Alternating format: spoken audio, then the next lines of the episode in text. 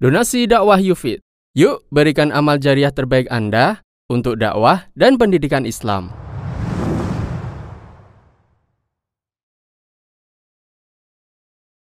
إن الحمد لله نحمده ونستعينه ونستغفره ونعوذ بالله من شرور أنفسنا ومن سيئات أعمالنا من يهده الله فلا مضل له ومن يضلل فلا هادي له أشهد أن لا إله إلا الله وحده لا شريك له وأشهد أن محمدا عبده ورسوله قال الله تعالى في كتابه الكريم يا أيها الذين آمنوا اتقوا الله حق تقاته ولا تموتن إلا وأنتم مسلمون وقال تعالى يا أيها الناس اتقوا ربكم الذي خلقكم من نفس واحدة وخلق منها زوجها وبث منهما رجالا كثيرا ونساء. واتقوا الله الذي تساءلون به والأرحم إن الله كان عليكم رقيبا. أما بعد فإن أصدق الحديث كتاب الله وخير الهدي هدي محمد صلى الله عليه وسلم وشر الأمور محدثاتها وكل محدثة بدعة وكل بدعة ضلالة وكل ضلالة في النار Saudara-saudaraku seiman, a'azzakumullah wa azzani Allah. Mengenal Allah adalah merupakan perkara yang sangat urgen dalam kehidupan kita.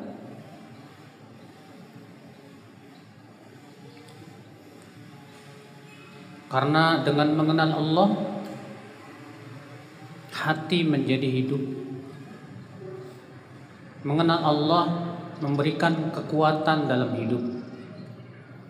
Bahkan jalan yang teragung dan terbesar untuk masuk ke dalam surga Allah adalah dengan cara mengenal Allah Subhanahu wa taala. Maka dari itulah pagi hari ini kita akan membahas mengenal Allah dari dekat. Pembahasan kita kita bagi menjadi beberapa pembahasan. Yang pertama, mengapa kita harus mengenal Allah? Apa urgensinya? Yang kedua, bagaimana cara mengenal Allah Subhanahu wa taala? Yang ketiga, apa tujuan dari mengenal Allah Subhanahu wa taala? Apa buah yang diinginkan dari mengenal Allah Subhanahu wa taala? Pembahasan yang pertama yaitu mengapa kita mengenal Allah. Ketahuilah saudara-saudaraku sekalian. Sudah saya sebutkan tadi bahwa mengenal Allah adalah merupakan perkara yang paling penting dalam kehidupan kita. Mengapa kita mengenal Allah? Yang pertama, karena itu kebutuhan manusia. Al-Iz bin Abdissalam berkata, "Hajatul ibadi ila ma'rifatillah fauqa hajatihim ila ta'am wasyarab." Kebutuhan mereka kepada mengenal Allah melebihi kebutuhan mereka dari makan dan minuman. Kebutuhan yang paling urgen buat kita semua adalah merupakan mengenal Allah Subhanahu wa taala. Kenapa? Karena bi ma'rifatillah tahyal qulub. Wa hayatul qalbi a'dham min hayatil badan. Karena dengan mengenal Allah hati menjadi hidup. Sedangkan kehidupan hati lebih agung daripada kehidupan badan. Badan yang hidup tapi hatinya mati, ia akan berbuat kerusakan di muka bumi. Tapi apabila hati hidup, maka itu akan memberikan kemaslahatan yang besar untuk kehidupan. Karena dengan adanya dengan hati yang hidup itulah Pak. Hati itu bisa mengenal antara kebaikan dan keburukan. Hati yang hidup itu Pak, hati yang bisa senantiasa merasakan ya akan adanya kemaksiatan di hati tersebut. Apalagi apabila hidupnya itu hidupnya hati itu betul-betul sehat. Karena Imam Ibnu Qayyim rahimahullah membagi hati menjadi tiga bagian. Yang pertama kalbun sahih, hati yang sehat. Yang kedua hati yang mati. Dan yang ketiga hati yang sakit. Hati yang sehat itu hati yang senantiasa mengenal Allah. Hati yang merindukan munajat dengan Allah. Hati yang merasa gembira dengan ketaatan-ketaatan kepada Allah. Maka hati yang sehat ini sama halnya dengan badan yang sehat kata Ibnu Qayyim. Kalau kita badan kita sedang sehat, kita akan merasakan penyakit yang masuk ke badan kita. Demikian pula hati yang sehat akan merasakan penyakit yang masuk ke dalam hati seseorang. Dan tidak mungkin hati itu sehat kecuali dengan cara mengenal penciptanya. Sumber kesehatan hati seorang hamba adalah ma'rifatullah dengan mengenal Allah Subhanahu wa taala. Badan butuh makanan. Kenapa? Karena makanan itu nutrisi kekuatan badan. Makanya ketika kita sedang puasa, kita diberikan rukhsah untuk tidak puasa. Eh, ketika kita sedang puasa kemudian sakit, kita diberikan rukhsah untuk tidak puasa. Kenapa? Karena badan sedang sibuk melawan penyakit dan butuh nutrisi. Maka diizinkan oleh Allah untuk apa? Untuk makan. Karena dengan sari-sari pati makanan itulah badan bisa melawan penyakit dan mengusirnya. Itu untuk kesehatan badan.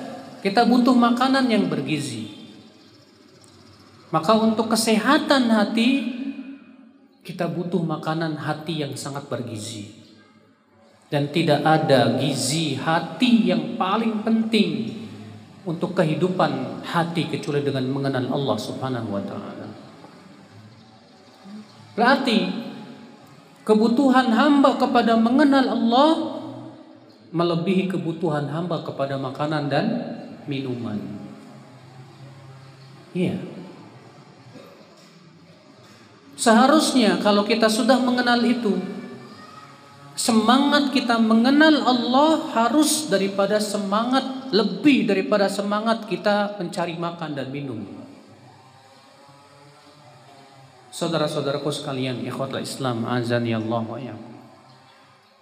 Maka siapa yang menjadikan mengenal Allah itu sebagai kebutuhan dan ia merasakan bahwa jiwanya butuh untuk mengenal Allah, maka dia akan bersungguh-sungguh mencarinya. Tapi ketika hati sudah dipenuhi dengan cinta dunia, hati ternyata lebih senang dan lebih asyik dengan dunia, maka ia tidak akan lagi merasakan nikmat mengenal Allah Subhanahu wa taala. Kenapa? Karena ternyata ada sesuatu yang lebih mengasyikkan di hatinya. Ada sesuatu yang hatinya itu telah dipenuhi oleh sesuatu dari cinta selain Allah Subhanahu wa taala. Makanya Rasulullah SAW mengumpamakan hati itu bagaikan apa? Bagaikan bejana. Apabila bejana itu berisi air, lalu antum isi tanah, maka air itu sedikit demi sedikit akan keluar. Antum isi tanah lagi sampai penuh, air itu akan keluar. Demikian pula hati yang tadinya cinta kepada Allah kemudian sedikit demi sedikit dipenuhi oleh cinta kepada selain Allah maka cinta kepada Allah akan semakin berkurang. Semakin hati kita penuh dengan cinta dunia semakin ia kosong dari mencintai Allah Subhanahu wa taala. Sehingga ketika cinta dunia telah kokoh di hati kita dan di hati seorang hamba, bagi dia tidak ada yang lebih membahagiakan kecuali dengan dunia. Maka Allah berfirman, Innal ladhina la yarjuna liqa'ana waradu bil hayatid dunya wa tama'annu biha walladzina hum an ayatina ghafilun ulaika ma'wahumun nar. Allah mengatakan, sesungguhnya orang-orang yang tidak mengharapkan pertemuan dengan kami. Orang yang hatinya Pak dipenuhi cinta dunia tak akan pernah mengharapkan pertemuan dengan Allah Subhanahu wa taala. Maka Allah mengatakan, sesungguhnya orang-orang yang tidak mengharapkan pertemuan dengan kami dan lebih ridho dengan dunia dan merasa tenang dengan dunia dan ia lalai dari ayat-ayat kami. Mereka itulah tempatnya neraka jahanam subhanallah orang yang hatinya kosong dari mencintai Allah. Orang yang hatinya kosong dari mengenal Allah subhanahu wa taala. Maka Allah jadikan ia lalai dari ayat-ayatnya. Ia jadi Allah jadikan hatinya lebih ridho dengan dunia.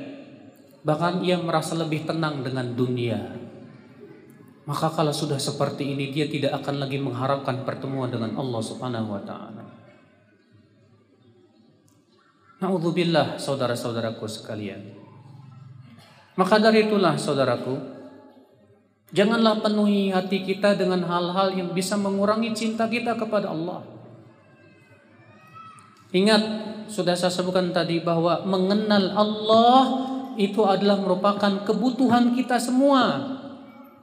Fitrah manusia, Allah fitrahkan ia untuk mengenal Allah Subhanahu wa taala.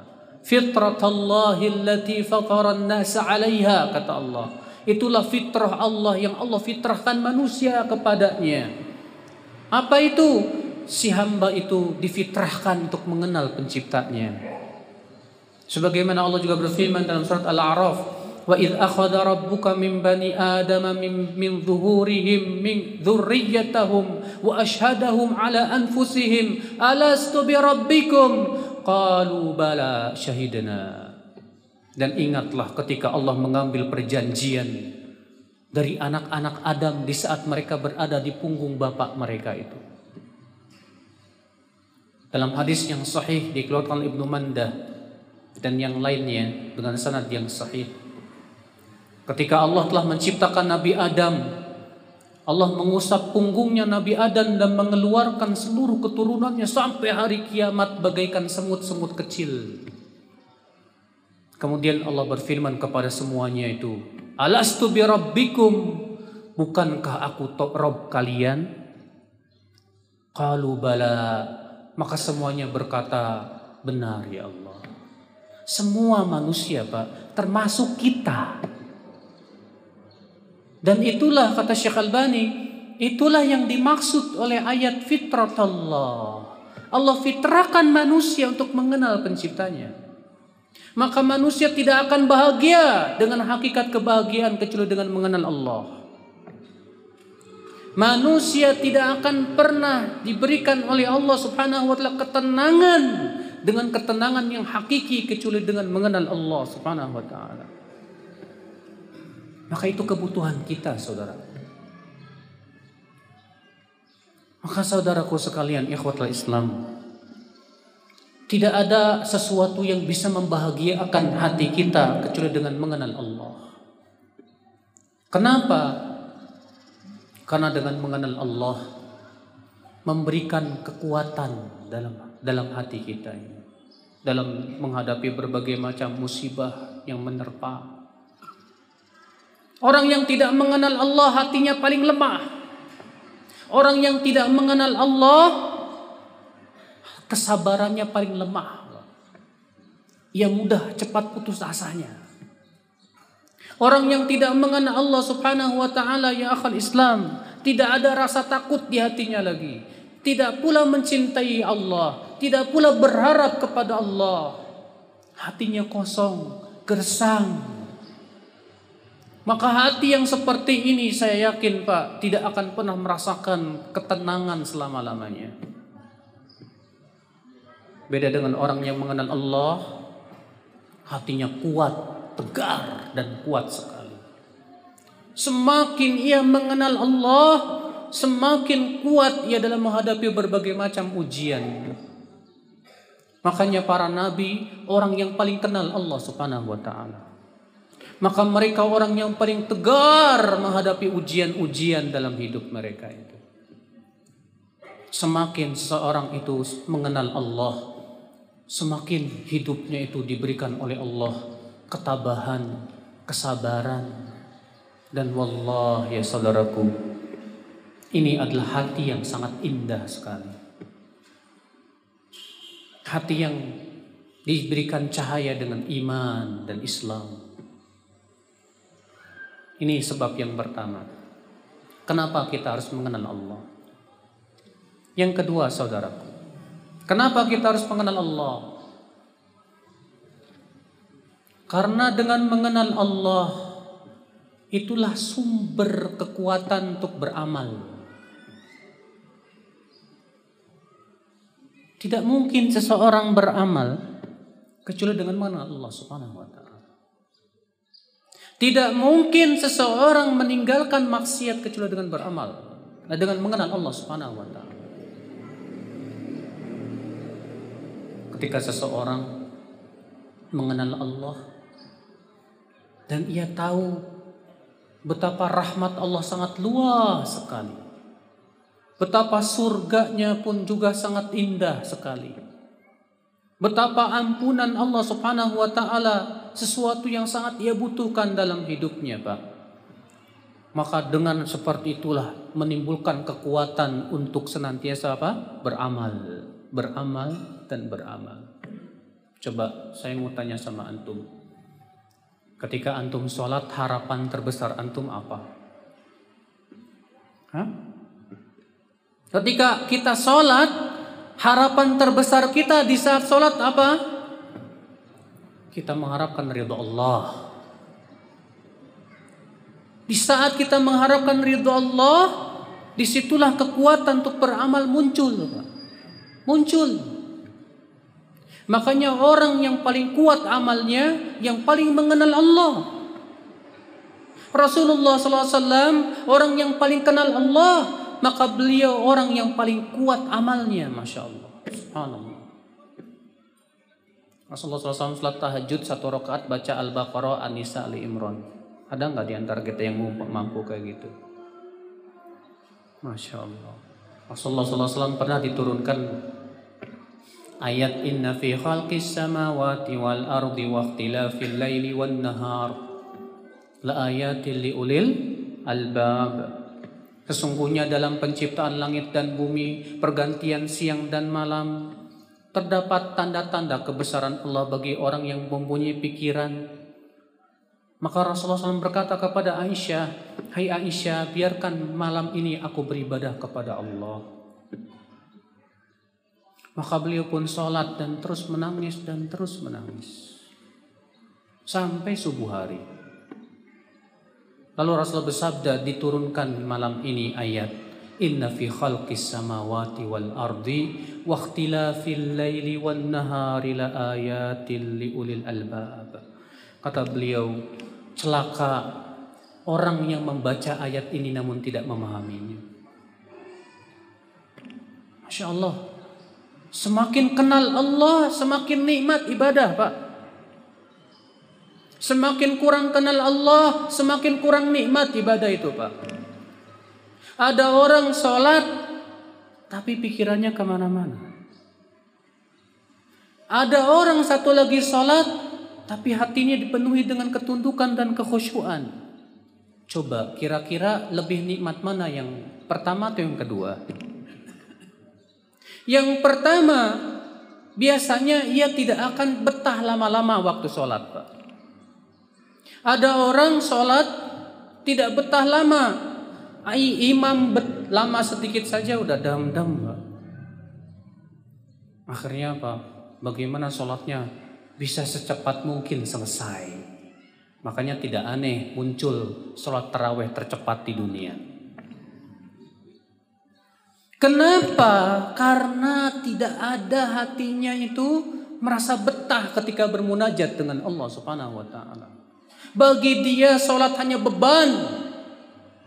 Dia tidak merasakan nikmat di saat sholat. Dia tidak merasakan kelezatan di saat sholat. Maka dari itulah dia menganggap sholat itu hanyalah beban. Dia ingin bagaimana segera selesai dari sholat. Akibat hatinya sudah tak lagi merasakan nikmat. Dan ia tidak mengenal penciptanya dengan sebenar-benar pengenalan. Saudaraku, lihatlah Rasulullah. Lihatlah para sahabat. Mereka orang yang paling, paling kenal Allah. Makanya lihat amal mereka luar biasa. Mereka merasakan kelezatan di saat mereka berzikir kepada Allah. Mereka kelez, merasakan kelezatan di saat sholat bermunajat kepada Allah. Rasulullah SAW bersabda kepada Bilal, Ya Bilal, arih nabi salah. Hai Bilal, jadikan hati kita istirahat dengan sholat. Hai Bilal. Subhanallah, orang-orang yang mengenal Allah menganggap sholat itu sebagai penghibur dalam hidupnya, Pak.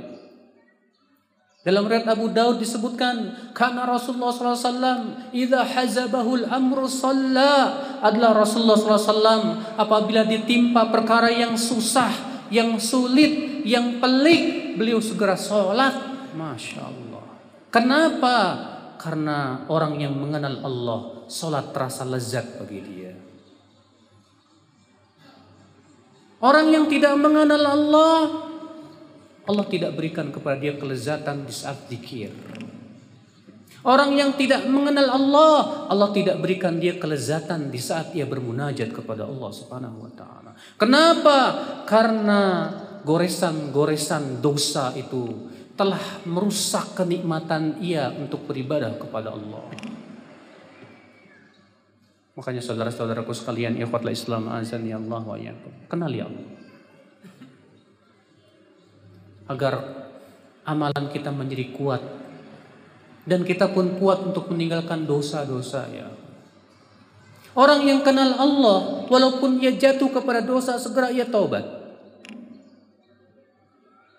Beda dengan orang yang tidak kenal Allah. Orang yang tidak kenal Allah di saat ia jatuh kepada dosa, ia akan terus jatuh kepada dosa dan terus jatuh kepada dosa. Bahkan ia merasakan nikmat dengan dosa tersebut. Tidak diberikan oleh Allah hidayah untuk taubat kepada Allah. Tapi orang yang mengenal Allah karena ia tahu Robnya maha pengampun. Ia tahu bahwasannya Robnya syadidul iqab. Keras siksanya. Segera ia taubat kepada Allah. Segera ia minta ampun ya Allah. Aku telah menzolimi diriku ya Allah. Ya. Ini zalam tu zulman kathira ya Allah. Aku sudah menjolimi dengan zolim yang banyak ya Allah. Wala yakfiru dhunuba illa ant. Dan tidak ada yang mengampuni dosa kecuali engkau ya Allah. Maka ketika seseorang mengenal Allah Pak. Dia menjadi hamba yang banyak istighfar. Iya, banyak istighfar. Kenapa? Karena ia tahu Robnya maha pengampun. Ketika dia mengenal Allah subhanahu wa ta'ala, saudara-saudaraku sekalian ikhwatal Islam. Dia menjadi hamba yang ketika sendirian ia menjadi takut kepada Allah. Dia menjadi hamba yang sangat amanah dalam memegang amanah dia kuat sekali. Karena dia tahu bahwa sifat khianat itu tidak disukai oleh Allah. Dia tahu bahwasanya itu perkara yang dibenci oleh Allah. Karena dia mengenal Allah, jadilah ia menjadi orang yang sangat kuat dalam memegang amanah. seorang pemimpin yang mengenal Allah, dia akan menjadi pemimpin yang kuat dalam memegang amanah. Yang takut kepada Allah Subhanahu wa taala. Seorang siapa pun dia yang mengenal Allah, dia akan menjadi manusia yang masya Allah luar biasa, saudaraku sekalian.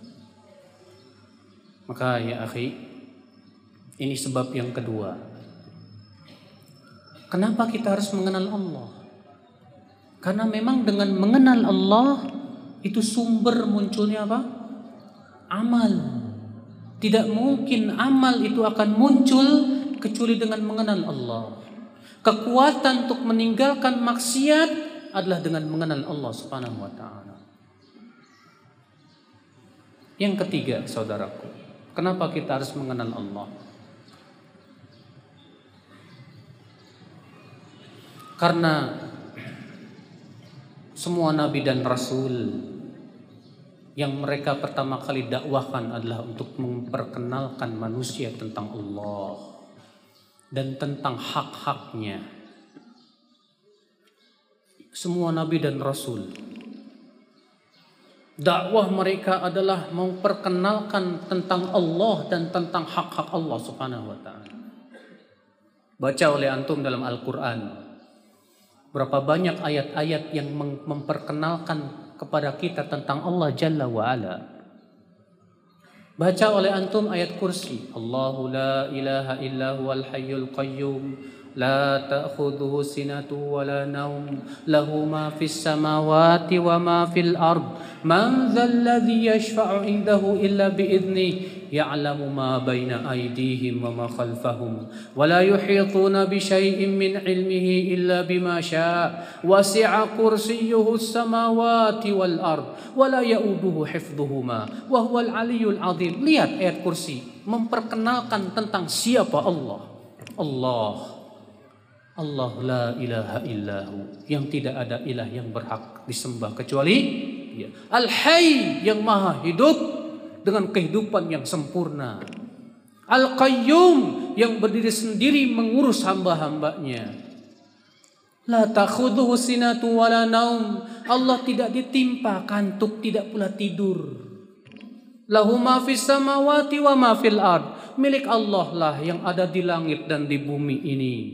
Man dzalladzi yashfa'u indahu illa biidnih. Siapakah yang bisa memberikan syafaat di sisi Allah kecuali dengan izin Allah?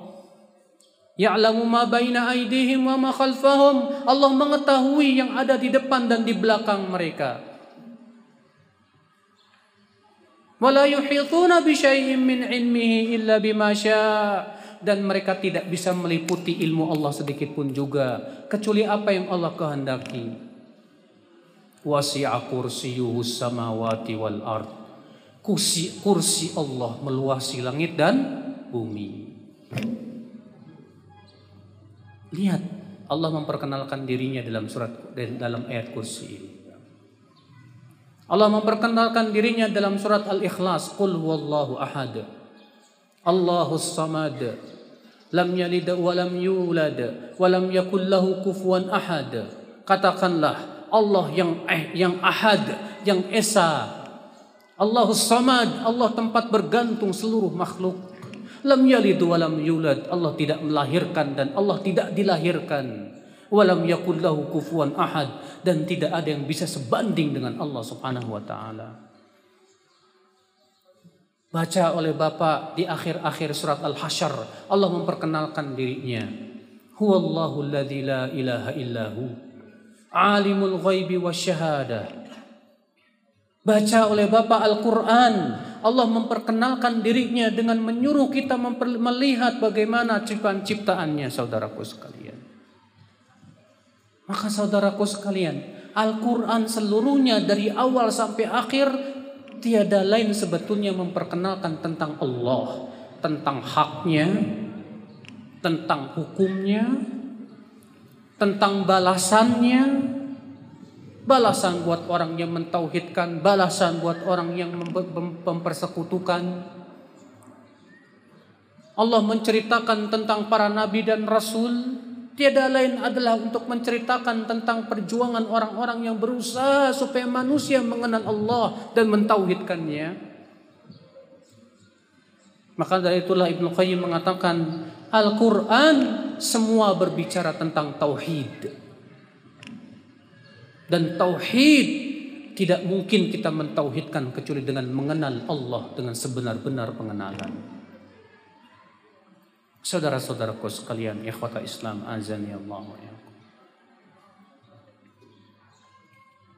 Kemudian bagaimana caranya mengenal Allah? Syekh Muhammad bin Saleh Utsaimin rahimahullah dalam Syarah Al-Usul Ats-Tsalatsah berkata, Wa ma'rifatullah yakunu bi syai'ain atau kama Dan mengenal Allah itu dengan dua cara.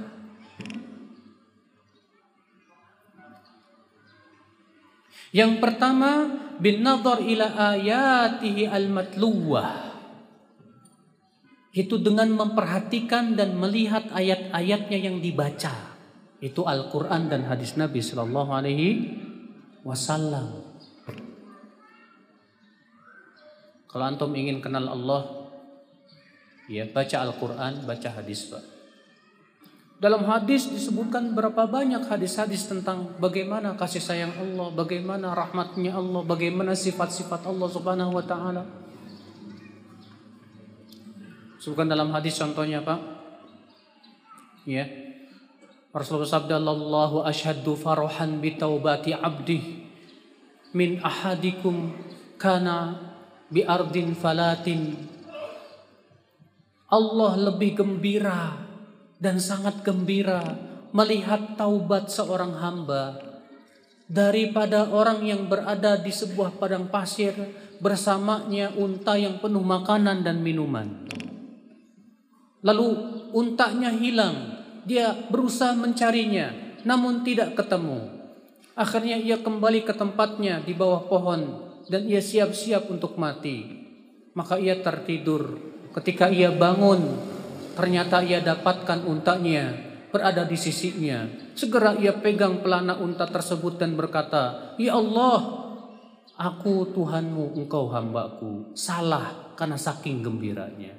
Kata Rasulullah SAW apa? Allah lebih gembira melihat taubat seorang hamba dari itu. Lihat bagaimana Rasulullah memperkenalkan Bagaimana kegembiraan Allah ketika melihat taubat seorang hamba, saudaraku.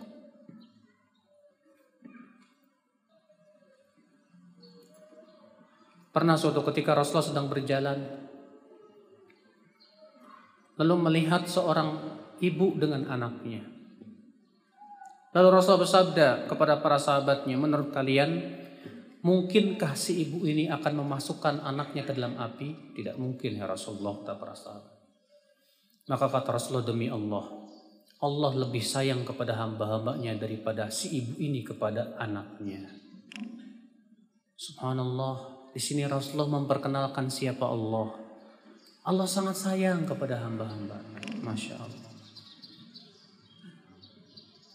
Banyak sekali saudaraku, makanya kalau kita ingin mengenal Allah, cara yang pertama kata Syekh Muhammad bin Shalih Utsaimin itu dengan cara apa? Membaca ayat-ayat Allah berupa Al-Quran dan hadis. Pelajari Al-Quran, hadis, pelajari juga tafsirnya dari para ulama salaf. Sehingga dengan seperti itu insya Allah kita semakin mengenal Allah subhanahu wa ta'ala insya Allah. Cara yang kedua. Itu bin nadar ila ayatihil kauniyah Itu dengan cara melihat ayat-ayat Allah berupa makhluk-makhluknya, Pak. Kita diperintahkan oleh Allah tidak, Pak, untuk merenungi penciptaan langit dan bumi. Iya. Allah mengatakan Inna fi khalqis samawati wal ardi wa ikhtilafil laili wan nahar la ayatin li ulil albab الذين يذكرون الله قياما وقعودا وعلى جنوبهم ويتفكرون في خلق السماوات والأرض ربنا ما خلقت هذا باطلا سبحانك فقنا عذاب النار Sesungguhnya dalam penciptaan langit dan bumi pergantian siang dan malam terdapat tanda-tanda kebesaran Allah bagi orang-orang yang punya pikiran kata Allah Siapa dia? Yaitu orang yang mengingat Allah di saat ia berdiri, di saat ia duduk, di saat ia berbaring, dan ia memikirkan tentang penciptaan langit dan bumi. Insya Allah. Akhi, jangan sampai otak yang Allah berikan kepada kita cuma digunain buat mikirin makanan toh. Hari ini kuliner di mana ya? Jangan sampai otak yang hati yang Allah berikan kepada antum cuma digunakan buat mikirin gimana bisa kawin lagi ya. Iya. Jangan sampai ya akhi kita pikirannya cuma sebatas perut dan kemaluan. Orang yang pikirannya cuma perut dan kemaluan itu rendahan. Gunakan akal pikiran kita untuk memahami apa? Ayat-ayat Allah dan melihat makhluk-makhluk Allah. Coba ketika antum berada di sebuah taman yang indah, Antum lihat bunga-bunga yang begitu indah. Coba antum berpikir, bunga ini tidak punya akal. Tapi warna yang dikeluarkan bunga ini luar biasa indah sekali dan serasi. Pastilah penciptanya pun maha indah. Coba antum lihat burung yang terbang itu, Pak. Bagaimana teknologi yang Allah ciptakan pada burung itu luar biasa sekali. Sampai detik ini manusia mana ada yang bisa menciptakan pesawat seperti burung. Coba Bapak lihat setiap kali Bapak melihat yang ada di langit dan di bumi ini Pak. Tanah yang kita pijak. Kita pikirkan baik-baik bagaimana Allah menciptakan tanah. Dengan tanah itu Allah tumbuhkan berbagai macam tanaman. Tanah ternyata berbagai macam warna-warninya, ada merah, ada hitam dan yang lainnya. Ternyata manfaatnya pun juga berbeda-beda. Allah di, Allah simpan dalam tanah berbagai macam kebutuhan-kebutuhan manusia. Ada barang tambang, ada batu mulia, emas, perak, tembaga dan yang lainnya. Luar biasa sekali, Pak. Jadilah orang yang selalu berpikir seperti itu. Ketika kita melihat misalnya antum misalnya lagi naik gunung. Pikirkan bagaimana Allah menciptakan gunung ini dan apa hikmah kenapa Allah menciptakan gunung ini. Bayangkan kalau antum pikirannya seperti itu, insya Allah kita akan semakin mencintai Allah Subhanahu wa taala. Ya Allah. Gunakan Berusaha kenali Allah Subhanahu wa taala dengan mengenal makhluk-makhluknya itu. Di saat matahari terbit, jangan cuma sebatas menikmatinya di pantai dengan cekrok, cekrak, cekrek, cekrok, cekrok tanpa kita berpikir siapa yang memerintahkan matahari itu untuk terbit. Kenapa Allah menciptakan matahari? Apa kebutuhan-kebutuhan manusia terhadap matahari itu? Sangat banyak sekali manfaat yang kita rasakan dengan adanya matahari itu. Hikmah-hikmah yang sangat agung sekali. Tidakkah kita berpikir seperti itu, Pak? Ketika kita melihat bulan muncul, kita pun berusaha untuk berpikir tentang kebesaran Allah pada dalam penciptaan bulan, bintang-bintang, dan yang lainnya. Selalu kita berpikir, Pak. Di saat kita melihat rayap, bagaimana dia membangun rumahnya yang luar biasa dengan ludahnya saja. Coba antum bikin rumah antum pakai ludah antum. Bisa nggak?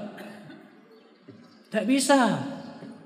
Tapi rayap bisa meru, bisa men, bisa menjadikan tanah dengan ludahnya itu jadi kuat sekali, Pak.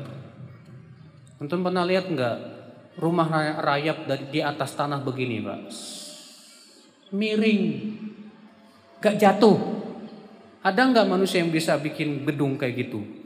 Tidak ada yang bisa, rayap bisa. Ketika kita melihat lebah dan bagaimana sarangnya, antum ambil penggaris, Antum ukur. Lebah itu lubangnya itu sama semua, Pak. Padahal lebah ndak pernah kuliah di UGM. Ndak pernah. Boro-boro belajar ilmu arsitek atau sipil, penggaris aja nggak punya. Tapi kau bisa membuat lubang yang sama itu dalam jumlah yang banyak seperti itu dan pas lagi. Siapa yang memberikan kepada lebah insting kalau bukan penciptanya yang maha kuasa? Ketika hujan turun, antum mikir lagi. Masya Allah, bagaimana Allah menciptakan hujan dengan awan? Dan Allah ciptakan awan yang bisa menampung air yang sangat banyak sekali Coba antum tampung dalam air kolam renang. Berapa ton itu air itu? Diangkut oleh truk. Tapi ini Allah cukup simpan di dalam awan. Padahal kalau kita masuk ke awan, nggak ada kolam renang di sana, Pak. Ada? Nggak ada. Tapi tiba-tiba Allah turunkan. Dan subhanallah, Allah turunkan setetes dina setetes. Allah tidak turunkan hujan seperti kita menuangkan air dari ember. Hancur semua kehidupan manusia kalau seperti itu. Tapi Allah turunkan setetes demi setetes. Para ilmuwan mengatakan turunnya air hujan kecepatannya pun sudah diatur hanya 10 km per jam. Bayangkan kalau 20 km bolong itu kepala antum. Ketika kita melihat itu, subhanallah, penciptanya pasti maha kasih sayang dan maha lembut kepada hambanya. Allah ciptakan hujan setetes demi setetes. Tidak Allah ciptakan hujan seperti kita mengitukan air dalam ember. Allah maha kasih sayang dan lembut. Bayangkan setahun kita nggak dikasih hujan, tanah kering kerontang. Ya tidak pohon mati, binatang mati, manusia pun mati. Maka Allah turunkan hujan. Bayangkan Pak, setelah lama tidak turun hujan, lama tidak turun hujan, kita terus minta kepada Allah, ya Allah turunkan hujan, ya Allah turunkan hujan. Ketika Allah turunkan hujan, bagaimana gembiranya kita? Oh, gembira banget. Alhamdulillah hujan turun akhirnya. Namun di antara kita maukah kita berpikir bagaimana kenikmatan-kenikmatan tersebut seharusnya kita semakin dekat kepada Allah, semakin mencintai Allah, semakin mensyukuri nikmat-nikmatnya dong. Tapi ketika pikiran kita mikirinnya gimana saya dapat kedudukan? Kalau pikiran kita hanya mikirinnya bagaimana saya dapat uang banyak. Cuma itu saja dan tidak ada ruang sama sekali waktu untuk berpikir tentang kebesaran Allah. Bagaimana kita akan ingat itu, Pak? La Allah. Maka dari itulah saudaraku, Allah menciptakan tiga untuk untuk kita, mata, telinga, Tiga ini alat untuk menuntut ilmu. Siapa yang tidak menggunakan tiga ini, dia akan menjadi penduduk api neraka. Allah mengatakan tentang sifat penduduk api neraka. Walaqad dzara'na li jahannama katsiran minal jinni wal ins lahum qulubun la ولهم أعين لا يبصرون بها ولهم آذان لا يسمعون بها أولئك كالأنعام an'ami bal hum adall. Ulaika humul sungguh kami telah mempersiapkan untuk neraka jahanam penduduk-penduduknya. Bagaimana sifatnya? Mereka punya hati. Mereka memiliki hati kata Allah. Tapi tidak digunakan untuk memahami ayat-ayat Allah. Mereka punya mata tapi tidak gunakan untuk melihat ayat-ayat Allah. Mereka punya telinga tapi tidak digunakan untuk mendengarkan ayat-ayat Allah. Matanya cuma digunakan buat jelalatan sana sini. Telinganya cuma mendengarkan musik, nyanyian, dan yang lainnya. Tidak ada sama sekali keinginan untuk memahami ayat-ayat Allah dengan mata dan telinganya. Apa kata Allah? mereka itu lebih buruk dari binatang ternak. Mereka itu bagaikan binatang ternak, bahkan lebih buruk lagi. Mereka itu orang-orang yang lalai, kata Allah. Maka saudara-saudaraku sekalian, gunakan hati kita, mata kita dan telinga kita untuk mengenal Allah Subhanahu. Kenali Allah. Kenali Allah. Jadi ini dua cara yang disebutkan oleh Syekh Utsaimin rahimahullah ya cara untuk mengenal Allah Subhanahu wa taala. Apa itu yang pertama? Hah? Dengan memperhatikan ayat-ayat Allah yang dibaca yaitu Al-Qur'an dan hadis. Ini masjid panas banget tuh Mas ya, nggak ada AC-nya ya. Allah. Yang kedua apa? Hah? Hah? Mengenal Allah melalui apa? Ayat makhluk-makhluknya. Iya. Tapi ingat Pak, mengenal Allah melalui makhluk-makhluknya saja tidak cukup. Harus tetap di, diiringi dengan mengenal Allah melalui apa? Ayat-ayatnya. Karena akal kita tidak bersen, tidak bisa bersendirian dalam mengenal Allah, nggak bisa. Yang lebih tahu tentang Allah adalah Allah. Maka Allah memperkenalkan siapa dirinya melalui wahyu yang Allah turunkan kepada Rasulnya. Dan itu adalah paling akurat. Cara paling akurat untuk mengenal Allah dengan cara apa? Dengan membaca Al-Quran dan hadis Nabi Sallallahu Alaihi Wasallam. Adapun makhluk-makhluknya itu yang membantu kita untuk semakin menguatkan hati kita dan keimanan kita, saudara-saudaraku sekalian. Makanya Allah mengatakan apa? Wa fi anfusikum afala tubsirun. Dan pada diri kalian sendiri, apa kalian tidak melihatnya? Hah? Pernah nggak antum pelajari diri sendiri? Mata, mata. Ada nggak kamera yang sehebat mata kita, Pak? Antum ketika ngelihat sebuah keindahan indah banget ya, pas dipoto sama kamera, kok biasa aja. Nggak ada yang bisa seperti mata, Pak. Secanggih apa pun kamera yang diciptakan oleh manusia, nggak secanggih mata kita. Luar biasa. Telinga dan yang lainnya. Maka dari itulah saudaraku sekalian, kenali Allah dengan dua cara tadi. Pembahasan selanjutnya.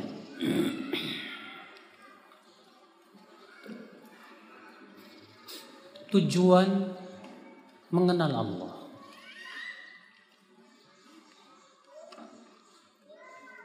Apa tujuan mengenal Allah Subhanahu wa taala? Sungguh saudaraku, tujuan mengenal Allah adalah tujuan yang paling mulia.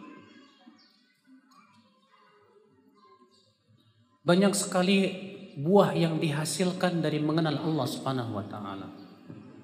Mengenal Allah yang pertama yaitu tujuan paling utama dari mengenal Allah adalah menghasilkan ketundukan yang total kepada Allah. Menjadikan kita makhluk-makhluk yang selalu tunduk dan patuh total kepada Allah Subhanahu wa taala dan selalu siap mengatakan sami'na wa ata'na. Kami mendengar dan kami taat. Berat, Pak. Menurut antum tunduk sama Allah itu berat nggak?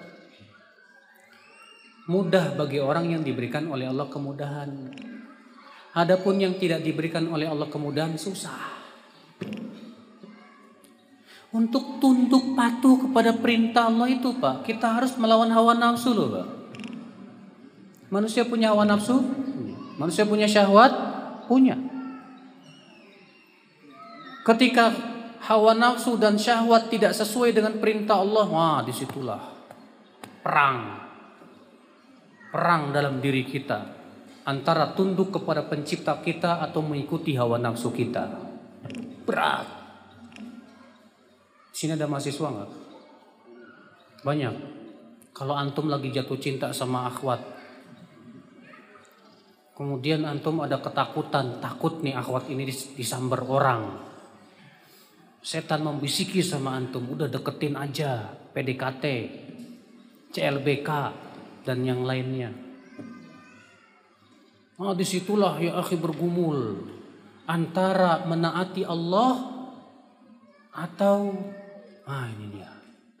Orang yang mengenal Allah kecil. Jodoh sudah takdir.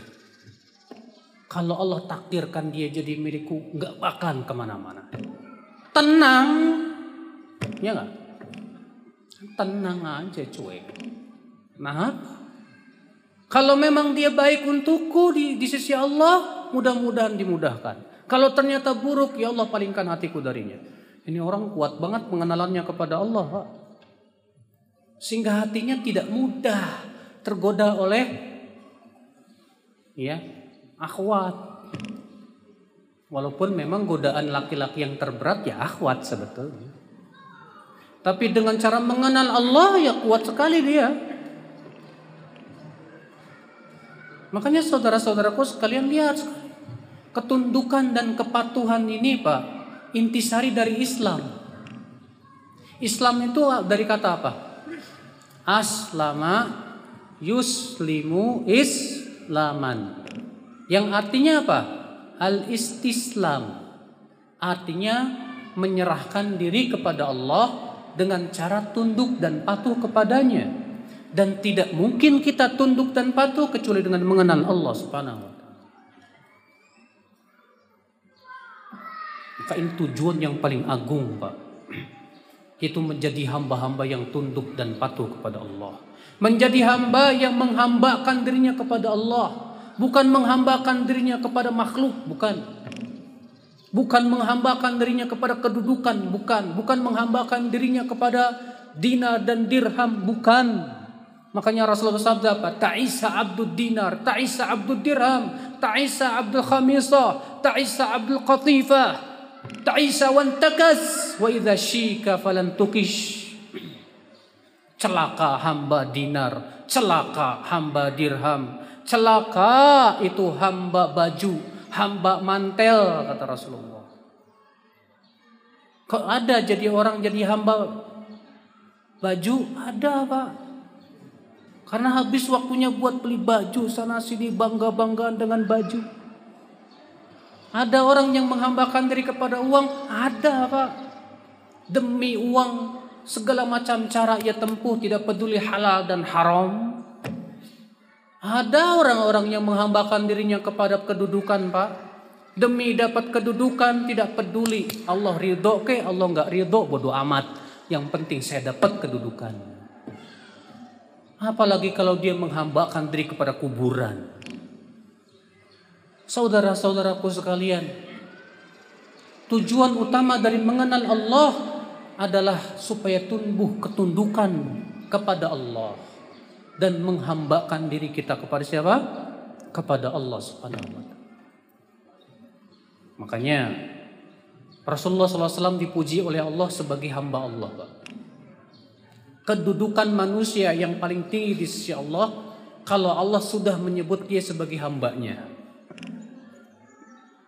Allah berfirman subhanalladzi asra bi 'abdihi ليلا من المسجد الحرام إلى المسجد الأقصى الذي باركنا حوله Maha suci Allah yang telah memperjalankan hambanya di waktu malam.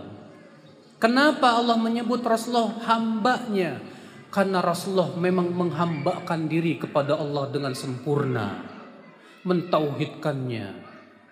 Dan betul-betul mengakui bahwa dirinya hamba yang lemah, yang fakir, yang butuh kepada Allah yang tidak pernah bersombong kepada Allah. Maka itulah hakikat hamba.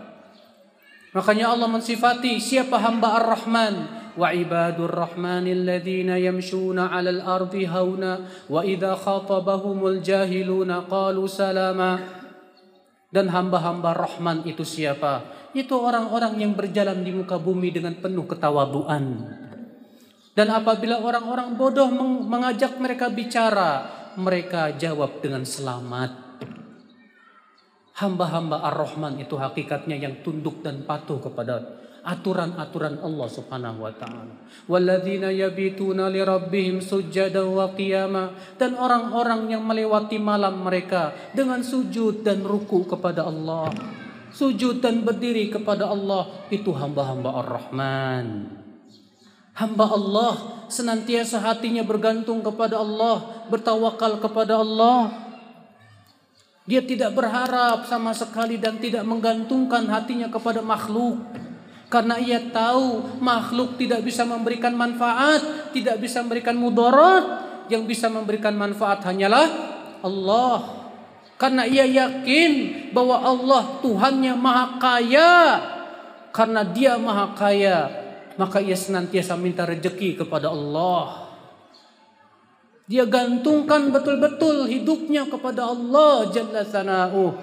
Ini berarti dia sudah menghambakan dirinya kepada siapa? kepada Allah Subhanahu wa Saudaraku, di saat seorang hamba sangat kenal Allah, dia akan hambakan dirinya kepada Allah. Dia sadar bahwa dia fakir kepada Allah, dia butuh kepada Allah. Dia tidak akan sombong. Orang sombong itu kenapa? Lupa sama Allah. Lupa kalau kelebihan yang ia miliki itu dari Allah Subhanahu wa taala. Aneh ya, Pak ya. Ada orang semakin kaya kok semakin sombong. Kenapa ya? Semakin banyak duitnya miliarder, triliuner, semakin jauh dari Allah Subhanahu wa taala dan semakin sombong. Aneh, aneh. Saya katakan aneh. Dan kayak keanehan itu sedikit demi sedikit hilang di saat kita tahu bahwa ia memang tidak mau mengenal penciptanya. Kalau ia kenal Allah, dia tidak akan sombong, Pak. Coba bayangkan, Pak. Kalau oksigen itu Allah tahan 5 menit aja, mood kita. Mati semuanya. Tapi lihat Allah ciptakan oksigen. Tahu nggak kebutuhan manusia kepada oksigen itu paling paling kuat, Pak. Makanya jumlah oksigen di dunia ini paling banyak, Pak. Semakin dibutuhkan manusia jumlahnya semakin banyak tidak? Kebutuhan manusia kepada air kuat, Pak. Maka keberadaan air di bumi ini paling banyak setelah oksigen. Karena Allah Maha tahu hamba hambanya sangat butuh air. Manusia butuh protein, baik protein hayawan, hawa, hayawan maupun hewani maupun nabati ya. Allah ciptakan. Ada sayur mayur. Dan manusia Allah tahu manusia itu punya sifat bosan kalau sayurnya cuma itu itu toh ah bosan dari kemarin kok bayam terus bayam terus. Allah ciptakan yang lain. Ada kangkung ada brokoli ada ini dan itu ternyata khasiatnya berbeda-beda manfaat untuk tubuh manusia. Masya Allah. Bagaimana nggak sayang sama Allah Subhanahu Wa Taala? Iya. Protein hewani Allah ciptakan ada ayam, ada kambing, ada sapi. Ah, masya Allah. Lihat saudaraku sekalian. Maka ketika dia melihat Tuhan yang Maha Kaya, dan kasih kasih sayang Allah luar biasa kepada dirinya semakin dia tunduk kepada Allah bersyukur kepadanya dengan cara dia berusaha mendekatkan dirinya kepada Allah Subhanahu wa taala. Antum kalau pengen supaya dikasih duit sama orang kaya caranya gimana? Deketin tuh orang kaya. Baik-baikin dia. Biar dikasih duit. Kalau antum ingin diberikan rahmat oleh Allah yang banyak, dekati Allah Subhanahu wa taala. Dan mendekati Allah itu lebih bermanfaat daripada mendekati orang kaya, Pak. Mendekati orang kaya bikin hati penyakitan. Yang kedua, kalau antum mendekati orang kaya rendah di mata orang kaya itu, Pak. Antum bisa disepak sama orang kaya, tuh sepak pak. Ditendang, dihinakan. Iya. Tapi kalau kita mendekati Allah, Allah malah muliakan kita.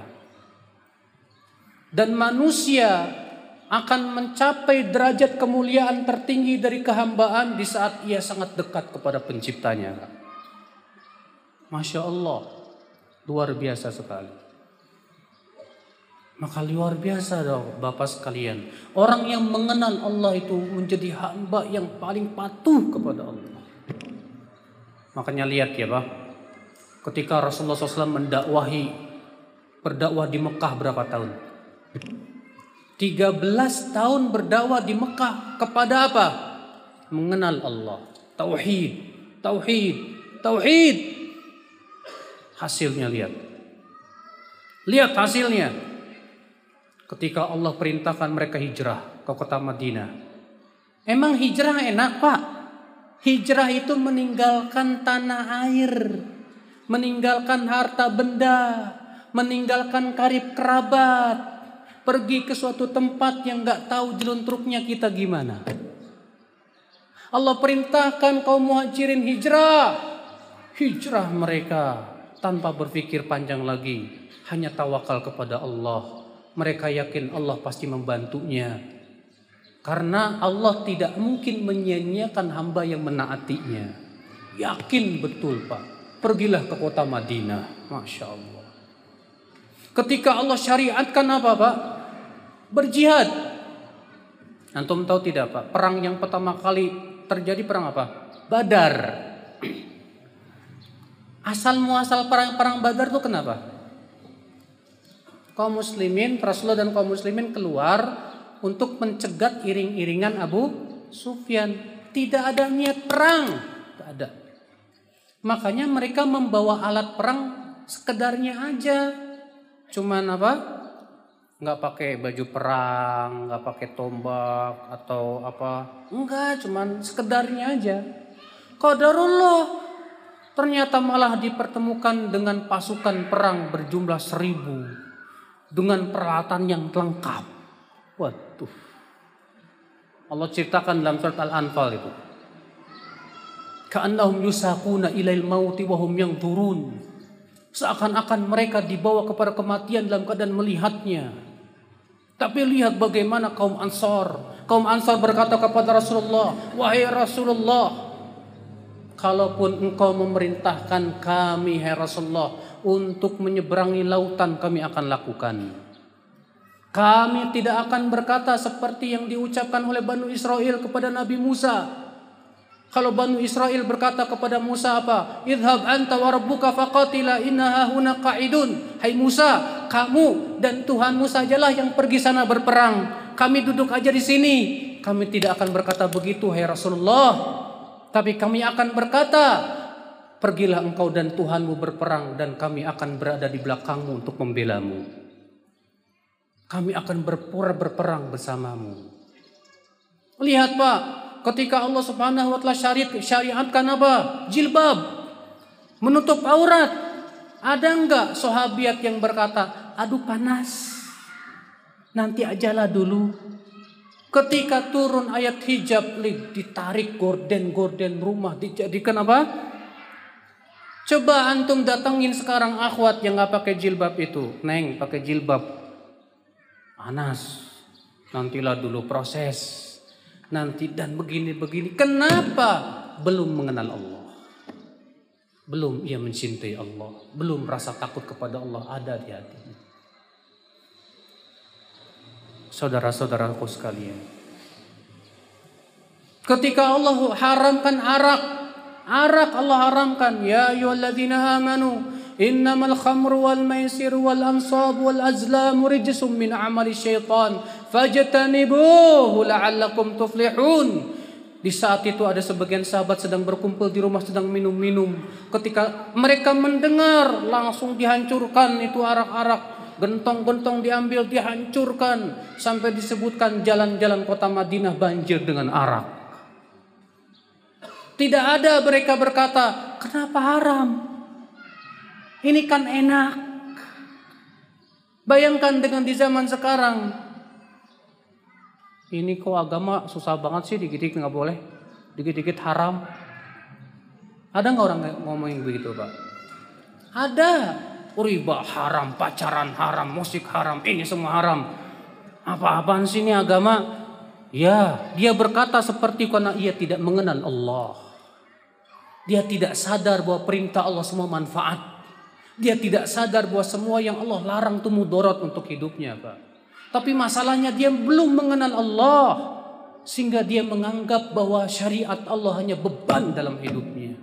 Sehingga kepatuhan dan ketundukannya pun belum muncul kepada Allah. Ikhwata Islam. Kemudian di antara tujuan atau buah yang diinginkan dari mengenal Allah Subhanahu wa taala yaitu agar menumbuhkan tiga perkara yang pertama rasa takut yang kedua rasa cinta, dan yang ketiga rasa berharap.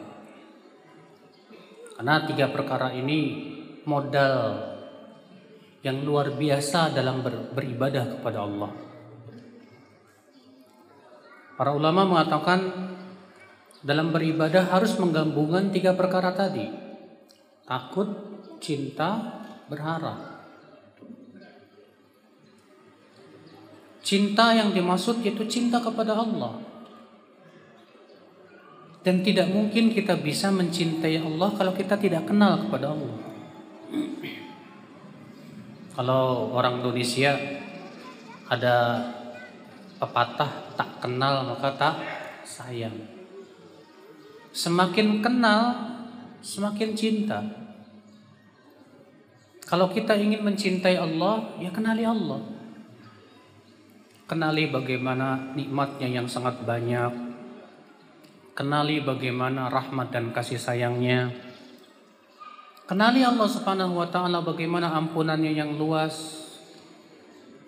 Maka kalau kita kenali ya rahmat-rahmat dan nikmat-nikmat Allah yang sangat banyak itu akan tumbuh rasa cinta. Antum kalau ada orang yang selalu ngasih antum fulus setiap hari gimana?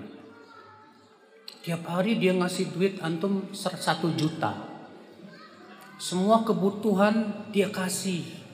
Rumah dikasih, mobil dikasih, istri dikasih. Kira-kira antum seneng gak sama dia Pak? Masya Allah nih orang kok baik banget. Semakin dia baik sama kita, kita semakin cinta kepada dia kan? Allah pemberiannya tak terhingga, Pak. Setiap detik, setiap menit, setiap jam. Wa in ta'uddu ni'matallahi la tuhsuha. Jika kamu menghitung-hitung nikmat Allah, kamu tidak bisa menghitungnya. Nikmat oksigen, bayangkan, Pak. Antum pernah ngitung nggak? Dalam satu hari kita menghirup oksigen itu berapa galon? Coba antum pergi ke rumah sakit, satu galon oksigen berapa? Allah kasih, masya Allah, gratis. Dan kita bernapas itu Pak, Allah jadikan tidak perlu berpikir dengan sendirinya. Bayangkan kalau napas itu berhubungan dengan pikiran. Pikiran berhenti, napasnya berhenti. Aduh, aduh, aduh mikir lagi, puyeng. Tapi Allah jadikan dia bernapas begitu dengan sendirinya. Allah jadikan jantung kita berdetak dan tanpa perintah dari kita. Allah jadikan semua organ-organ tubuh kita berjalan dengan perintah Allah Jalla Jalla Sana'u. Kalau ada yang error aja Pak, sakit nggak Pak?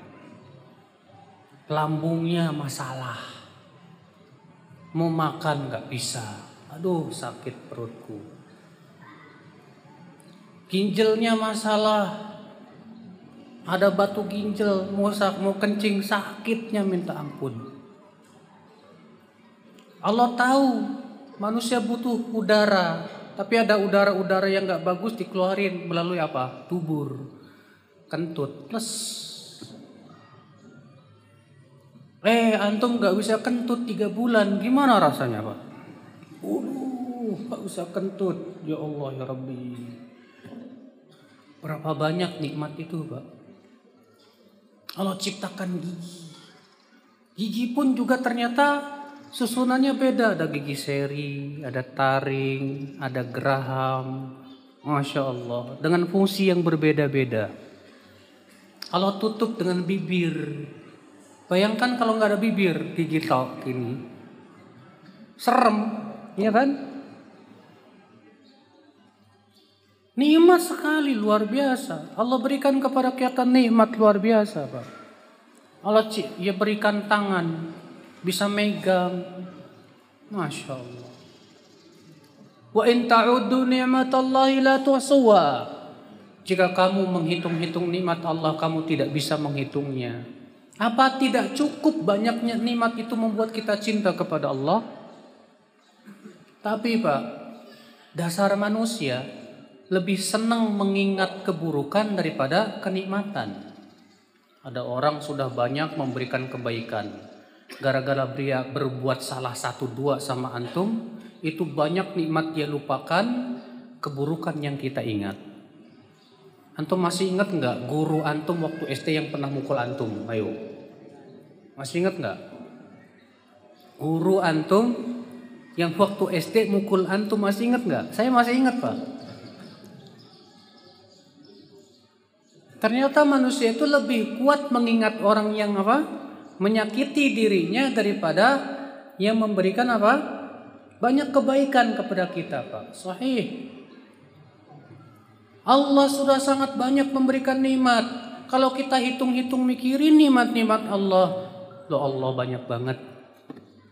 Makanya kata Ibnu Qayyim di antara perkara yang bisa menumbuhkan syukur adalah mengingat nikmat-nikmat Allah. Makanya dalam satu surat penuh Allah menyebutkan nikmat-nikmatnya dalam surat apa itu?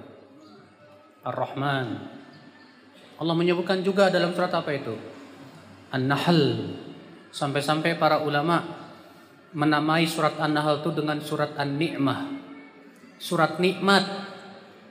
Karena saya saking seringnya Allah menyebutkan nikmat-nikmatnya dalam surat tersebut. Allah mengatakan dalam surat Ar-Rahman apa? Ayyi ala'i rabbikuma tukadziban. Maka dengan nikmat-nikmat Rob kalian kepada kalian manakah yang kalian dustakan hai manusia dan jin? Saudaraku, kenapa Allah sering kali menyebutkan nikmat-nikmatnya di Al-Quran? Agar manusia ingat dan agar manusia mau mencintainya. Allah ingin hamba-hambanya mencintai dirinya. Maka Allah bukan berikan nikmat-nikmat yang banyak. Tapi aneh, manusia semakin dikasih nikmat semakin malah benci sama Allah. Malah lari dari Allah subhanahu wa ta'ala. Padahal dengan mencintai Allah, Allah pasti berikan kebahagiaan yang luar biasa. Orang yang mencintai Allah, Pak, kalau sudah cinta itu memenuhi ruang-ruang hatinya, Pak, kepada Allah Subhanahu wa taala, tidak ada ya akal Islam azan ya Allah, manusia yang paling bahagia di dunia dari dia. Tidak ada. Makanya dari itulah, Pak, orang yang mencintai Allah itu tandanya apa? Tandanya ia akan banyak zikir kepada Allah. Selalu banyak zikir. Seperti antum kalau lagi jatuh cinta sama akhwat. Ya. Atau ikhwan yang udah nikah lagi senang sama janda misalnya. Ya. Ingat terus sama dia. Aduh. Kenapa? Cinta itu akan menyebabkan kita banyak ingat. Antum cinta sama istri akan ingat terus sama istri. Antum cinta sama anak, ingat terus sama anak. Maka kalau kita cinta Allah, tandanya kita akan banyak ingat kepada Allah Subhanahu wa taala. Lisan kita akan senantiasa melantunkan dikir atau melantunkan ayat-ayatnya. Baca Quran kok kerasa nikmat ya? Masya Allah, Alhamdulillah. Kalau saya berzikir subhanallah alhamdulillah la ilallah, hati saya kok teduh rasanya. Tenang seperti seperti ada air dingin di hati saya ini. Masya Allah, alhamdulillah. Makanya akal Islam cinta itulah yang memberikan kekuatan motor dalam hidup kita, Pak. Karena manusia itu butuh cinta. Dengan cinta itu menjadi motor dia bergerak. Antum tahu nggak? Semangat cari duit gara-gara antum pak cinta duit. Semakin kuat cinta duitnya, semakin semangat untuk cari duitnya. Iya nggak? Sahih. Kenapa antum begitu kuat mengejar janda itu? Ya karena saya cinta banget sama dia Ustaz. Saya pengen dapet dia. Udah cantik, kaya raya lagi, takwa, soleha. Apa kurangnya dia? Wow sampai antum kejar sampai ke kutub utara pun. Kenapa? Cinta. Jadi motor. Antum cinta yang saya nih kok pecinta alam loh Ustadz. Saya senangnya naik ke mana? Ke gunung Ustadz, Masya Allah. Sampai gunung Jayawijaya sudah saya naikin itu. Kenapa? Cinta. Suka. Maka kalau antum cinta Allah akan terlihat antum cinta Al-Quran. Antum selalu berzikir kepada Allah. Kalau antum cinta Allah, itulah menjadi motor penggerak yang membuat antum selalu ingin mendekati Allah. Maka tidak ada yang paling nikmat bagi orang yang mencintai Allah dari berdua-duaan dengan Allah. Sebagaimana antum kalau lagi dua-duaan sama perempuan yang antum cintai. Dunia bagaikan milik kita berdua. Tai kucing terasa coklat, kata orang gitu ya. Maka orang yang mencintai Allah tidak ada yang lebih nikmat dari dia dari berdua-duaan dengan Allah. Di saat orang sedang tidur, dia bermunajat kepada Allah. Maka tidak ada yang lebih nikmat bagi dia ketika ia melantunkan ayat-ayatnya di dalam sholat. Maka ia pun bersimpuh kepada Allah. Dia pun berkeluh kesah kepada Allah. Masya Allah. Maka di situlah kemudian tumbuh rasa berharapnya kepada Allah yang sangat kuat sekali. Berharap ingin mendapatkan ampunan dari Allah berharap ingin mendapatkan kasih sayang dari Allah, berharap ingin dapat pahala besar berupa surganya yang luasnya seluas luang langit dan bumi. Di saat harapan kita kuat sekali ingin dapat surga, saat itulah Pak kekuatan amal muncul. Ketika kita mengenal Allah Pak, Allah keras siksanya, Pak. keras siksanya maka muncullah rasa takut kepada Allah Subhanahu wa taala. Maka dari itulah kita berusaha untuk melihat bagaimana kerasnya siksa Allah. Ketika Krakatau meletus mengeluarkan apa? Lava. Ada nggak orang yang mampu melahan lava itu, Pak? Jangankan lavanya, sebelum meletus sudah ada wedus gembel. Apa itu? Awan panas itu katanya. Ada nggak antum yang bisa melawan awan panas yang Allah turunkan dari gunung itu, Pak? Wah, saya mau pakai baju baja, Ustadz. Ini tahan. Nggak ada, Pak. Itu baru dunia itu, Pak. Lava itu bagaimana panasnya semua yang dilalui oleh lava kering terbakar sudah habis. Baja sekuat apa pun leleh, Pak. Leleh sudah, Pak. Antum pernah merasakan gempa yang kuat? Bagaimana ketakutannya di saat kita ada gempa itu? Gimana kalau gempanya kayak di Palu, Pak? Gimana kalau gempanya kayak di Lombok, Pak? Yang diceritakan oleh teman-teman kan di, sana jalan seperti gelombang laut hancur semuanya Allah ingin memperlihatkan kekuasaannya dan bahwasanya adabnya begitu keras. Untuk ingat bahwasanya adabnya di akhirat lebih keras dari itu. Supaya apa? Muncul rasa takut kita kepada Allah. Dengan kita takut kepada Allah, kita nggak berani berbuat maksiat kepada Allah Subhanahu wa taala. Orang yang takut sama Allah akan terlihat, Pak. Dari matanya itu terlihat. Gak mau larak lirik ada akhwat. Orang yang takut sama Allah pas ngeliat akhwat cantik, astagfirullah. Iya, ya Allah, berikan saya yang lebih cantik dari itu di surga. Masya Allah. Iya. Kalau kurang takut sama Allah enggak. Ih, akhwat cantik banget tuh, masya Allah, masya Allah. Udah gitu ngikutin, apa ngajak teman lagi? Eh, eh, eh. Cantik bener itu, bening. La ilaha illallah. Orang takut kepada Allah, dia akan tundukkan pandangannya.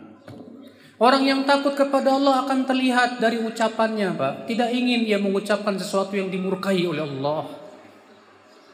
Orang takut yang kepada Allah bukan sebatas air mata yang berlinang, Pak. Hakikatnya orang yang takut kepada Allah adalah yang menjauhkan keharaman-keharamannya. Terlihat dari pakaiannya, ia tidak ingin memakai pakaian yang dimurkai oleh Allah. Terlihat dari makanannya, ia tidak mau memakan sesuatu yang diharamkan oleh Allah. Terlihat dari pendengarannya, ia tidak mau mendengar sesuatu yang tidak disukai oleh Allah. Terlihat dari lisannya, terlihat dari gerakannya, dalam hidupnya, dalam rumah tangganya akan terlihat dia memang orang yang takut kepada Allah Subhanahu wa taala. Sedangkan orang yang tidak takut kepada Allah, tidak peduli makan halal kayak haram kayak yang penting perut kenyang, istri senang. Orang yang tidak takut kepada Allah Subhanahu wa taala, dia tidak akan peduli Allah ridho kepada dia atau tidak. Bagi dia itu bukan nomor one, bukan nomor satu, bukan yang diharapkan keriduan makhluk. Dia ingin makhluk ridho kepada kepada kepadanya karena ia mengharapkan agar mereka bisa menjadi hal yang bisa memberikan apa keuntungan bagi dunianya. Maka dari itulah saudaraku sekalian, ketika seorang hamba itu punya tiga perkara tadi. Cinta, berharap, takut kepada Allah, ini menjadi manusia yang dahsyat sekali Pak. Orang yang paling cinta kepada Allah, orang yang paling berharap kepada Allah, orang yang takut kepada Allah Subhanahu wa taala.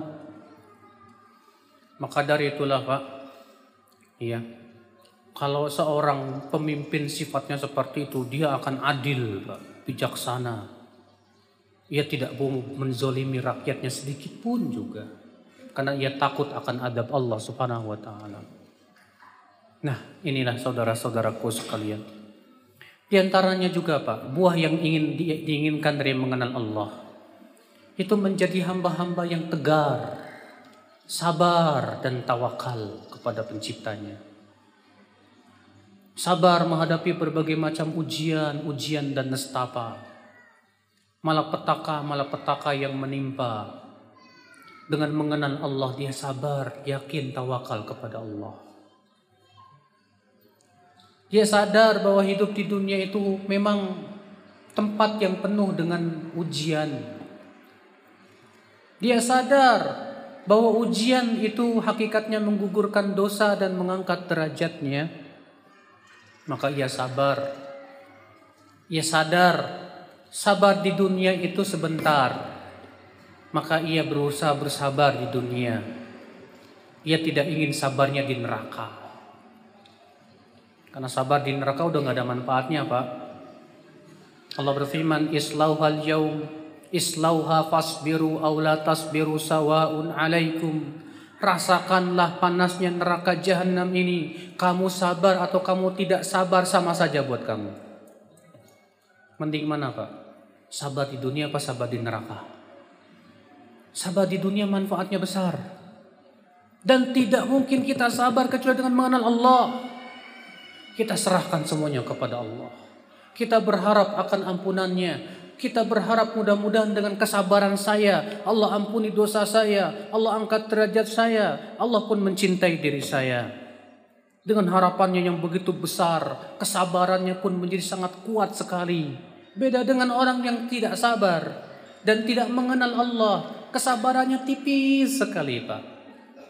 Ketika disuruh sabar, dia akan berkata apa? Sabar kan ada batasnya. Padahal sabar nggak ada batasnya. Rasulullah SAW bersabda, Innaha satakunu atharah.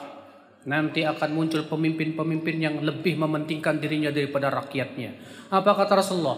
Fasbiru, sabarlah sampai kapan hai Rasulullah?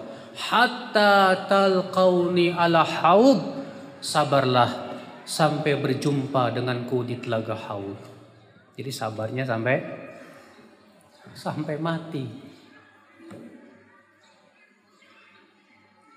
Orang yang sabar tidak akan berkata seperti itu. Sabar kan ada batasnya, tidak. Orang yang tidak sabar, dia akan berkata begini, saya sudah lama bersabar. Sekarang kesabaran sudah saya sudah hampir habis. Itu namanya nggak sabar, Pak. Karena sabar itu semakin dilatih semakin panjang. Iya. Maka dari itulah saudaraku sekalian dengan mengenal Allah seorang hamba akan semakin jiwa kesabaran dan tawakalnya kuat Masya Allah. Tegar dia dalam menghadapi berbagai macam kesusahan hidup dan kesulitan hidup. Dia tidak mudah putus asa karena dia yakin penciptanya maha kaya. Dia tidak pernah putus asa karena dia sadar bahwa kegagalan itu tiada lain akan membuka dua pintu kemenangan dan kemudahan. Karena Robnya berfirman, fa inna ma'al usri yusran, inna ma'al usri yusra. Bersama kesulitan akan ada kemudahan, bersama kesulitan akan ada kemudahan. Kata Ibnu Kathir artinya setiap kesulitan diberikan dua kemudahan. Mendengar itu ia sabar. Insya Allah di balik kesulitan dan kesusahan ini akan ada kemudahan demi kemudahan musibah pasti akan berlalu. Ketika kita sabar menghadapi musibah, kita tinggal menunggu janji Allah selanjutnya. Maka di saat itu ya sabar, ya tawakal kepada Allah, ya serahkan, ya sandarkan hidupnya kepada Allah Subhanahu wa taala saja sudah. Iya. Nah, saudara-saudaraku sekalian, inilah kekuatan yang maha dahsyat di saat seorang hamba mengenal penciptanya mengenal Allah Jalla Sana'uhu. Maka kenalilah Allah. Kenalilah Allah setiap hari setiap saat. Jangan anda berkata saya sudah kenal Allah. Belum. Kita belum mengenal Allah dengan sebenar-benar pengenalan karena sifat-sifat Allah sangat banyak sekali. Sifat Allah sangat banyak sekali. Kenalilah Allah. Banyak orang yang tidak kenal Allah Akhirnya ia jatuh kepada jurang kebinasaan. Banyak orang yang kenal Allah, tapi pengenalannya tidak menimbulkan rasa takut kepada Allah. Hanya sebatas kenal, sebatas ingin tahu, tapi ternyata cinta tidak bersemi di hati. Ternyata takut pun tidak ada di hati. Karena apa? Karena ternyata maksiat-maksiat itu membuat ia tidak bermanfaat ilmunya kepada Allah Subhanahu wa taala. Maka ketahuilah saudaraku, fikih yang paling agung, fikih tentang Allah. Di zaman sekarang banyak orang yang sibuk dengan fikih tentang hukum ini, hukum itu. Lupa kepada fikih yang sebenarnya, fikih tentang Allah Jalla Janahu. Kalau para sahabat, fikih yang paling mereka betul-betul mereka terus dalami adalah fikih tentang Allah Jalla Janahu. Tentang sifat-sifatnya dan nama-namanya. Bagaimana kita bersikap kepada Allah Subhanahu wa taala? Bagaimana kita menjadi hamba yang benar-benar menghambakan dirinya kepada Dia? Semoga kita menjadi hamba-hamba Allah yang senantiasa patuh dan mengenalnya, Pak. Yang senantiasa ridho dengan ketentuan-ketentuannya. Yang senantiasa bertawakal kepadanya. Yang senantiasa mentauhidkan dan menjauhkan kesyirikannya, Pak. Semoga kita menjadi hamba-hamba yang senantiasa bersyukur atas nikmat-nikmatnya Semoga kita menjadi hamba-hamba yang dengan mengenal Allah kita bisa masuk ke dalam surganya. Amin ya rabbal alamin.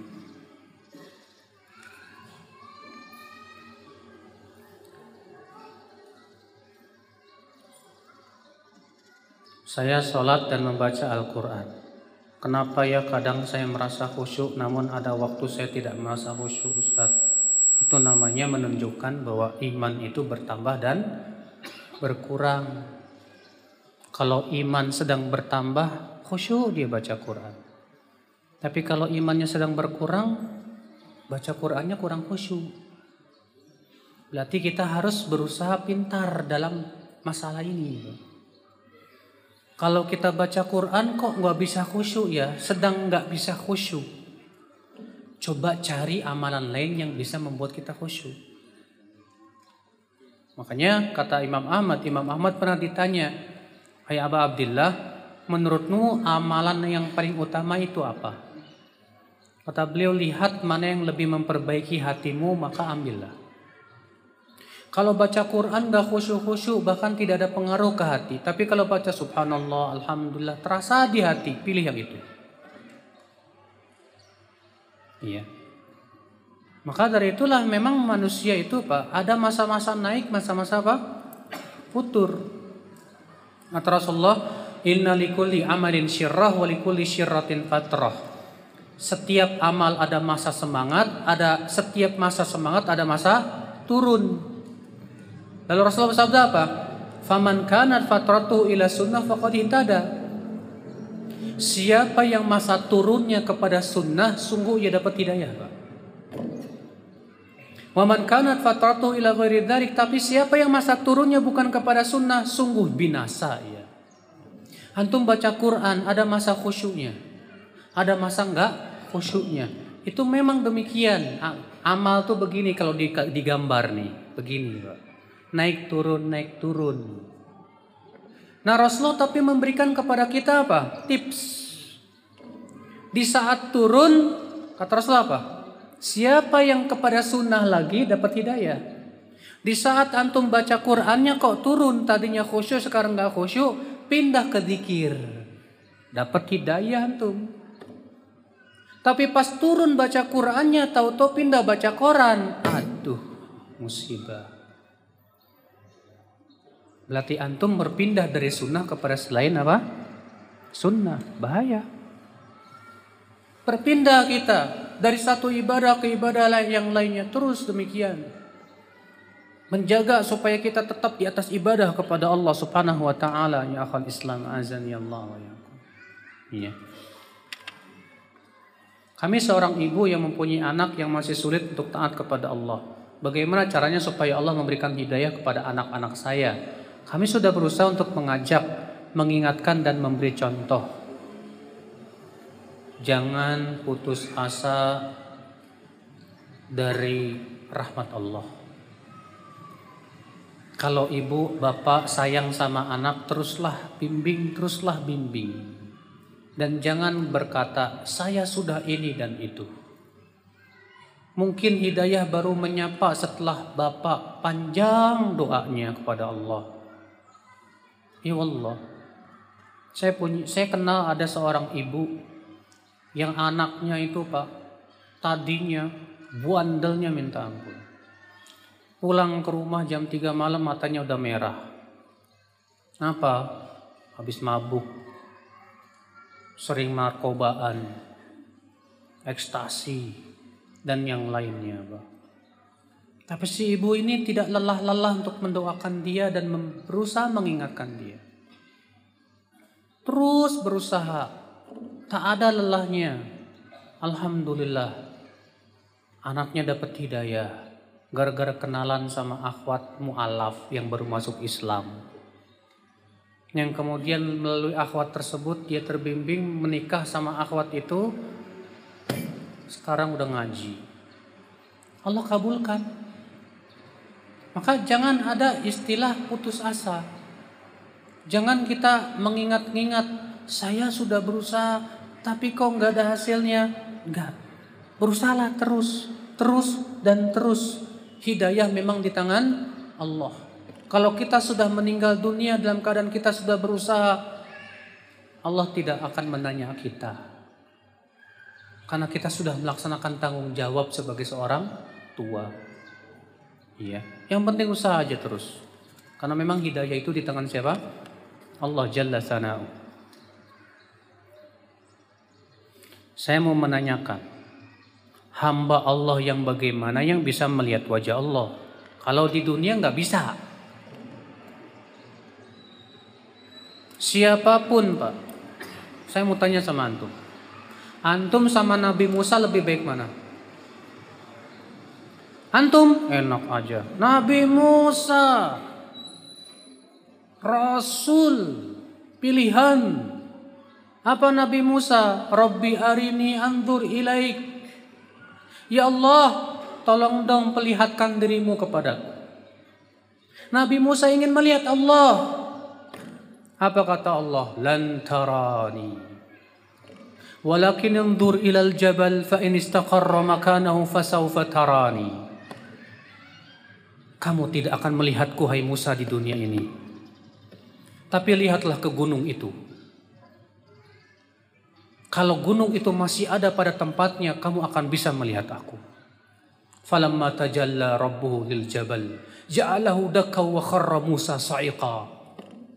Ketika Allah memperlihatkan dirinya kepada gunung itu, gunung itu hancur lebur. Maka Nabi Musa pun pingsan melihat gunung itu lebur. Gak kuat. Maka di dunia ini tidak ada yang bisa melihat Allah. Rasulullah ditanya oleh Aisyah istri tercintanya.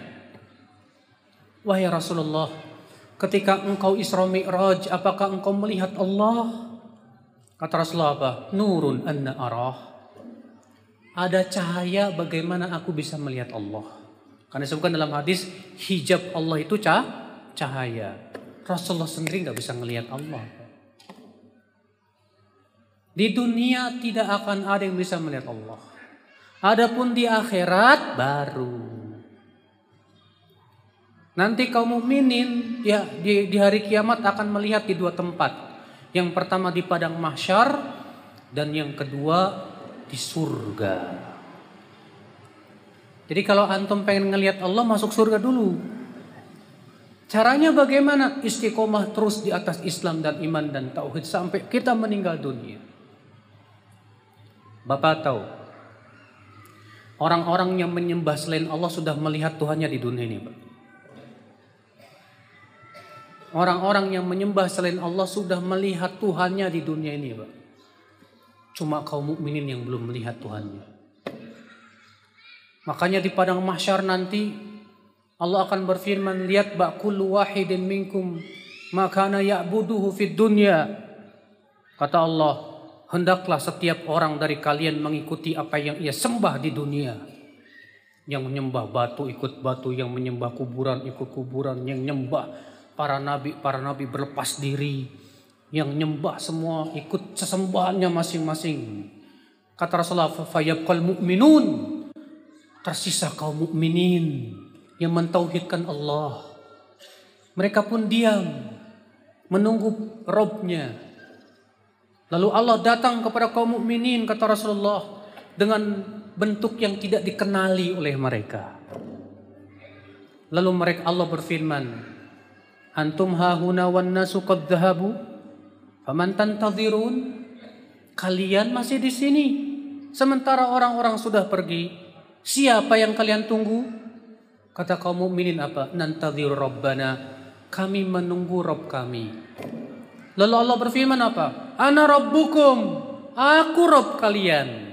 Apa kata kaum mukminin? Ma'adallah an nusyrika billahi syai'a. Kami berlindung kepada Allah dari mempersekutukan Allah sedikit pun juga. Lalu Allah berfirman, dengan apa kalian mengenal Tuhan kalian? Kata kaum mukminin apa? Dengan betisnya. Maka Allah menyingkapkan betisnya. Maka seluruh kaum mukminin sujud kepada Allah kecuali orang-orang munafik dan riak. Setiap kali mau sujud lempeng lagi punggungnya, Pak. Nggak bisa sujud.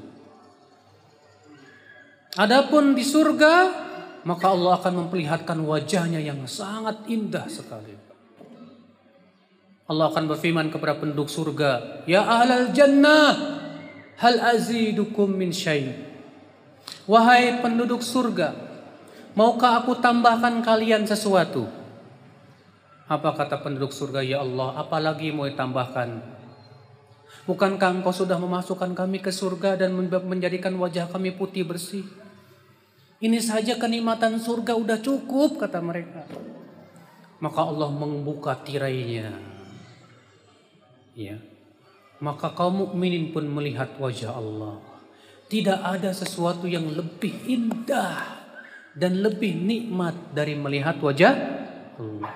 Lebih indah daripada kenikmatan surga. Ya, masya Allah. Jadi di dunia ini jangan nggak bisa pak. Makanya orang-orang sebagian orang yang mengatakan saya udah ngelihat Allah dusta itu, kadzab itu pak. Iya, nggak ada di dunia ini orang yang bisa melihat Allah subhanahu wa taala. Ya dengan mata kepala ya, nggak bisa.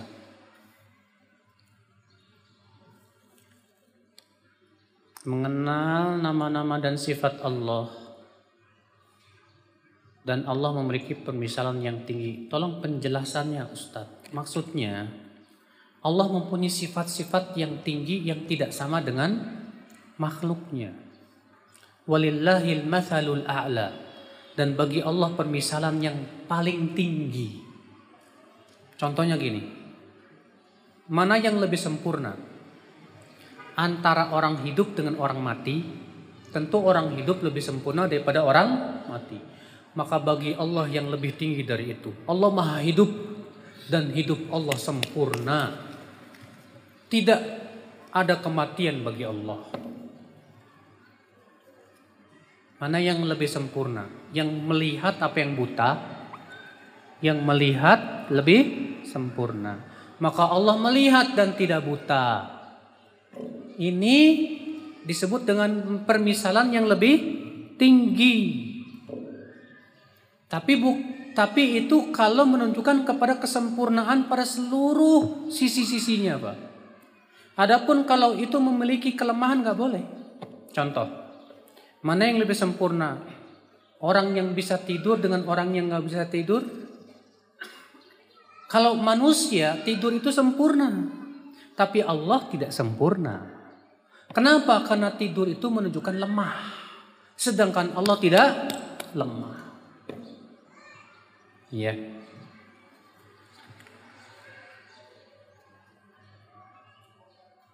Saya sering terbayang zat Allah.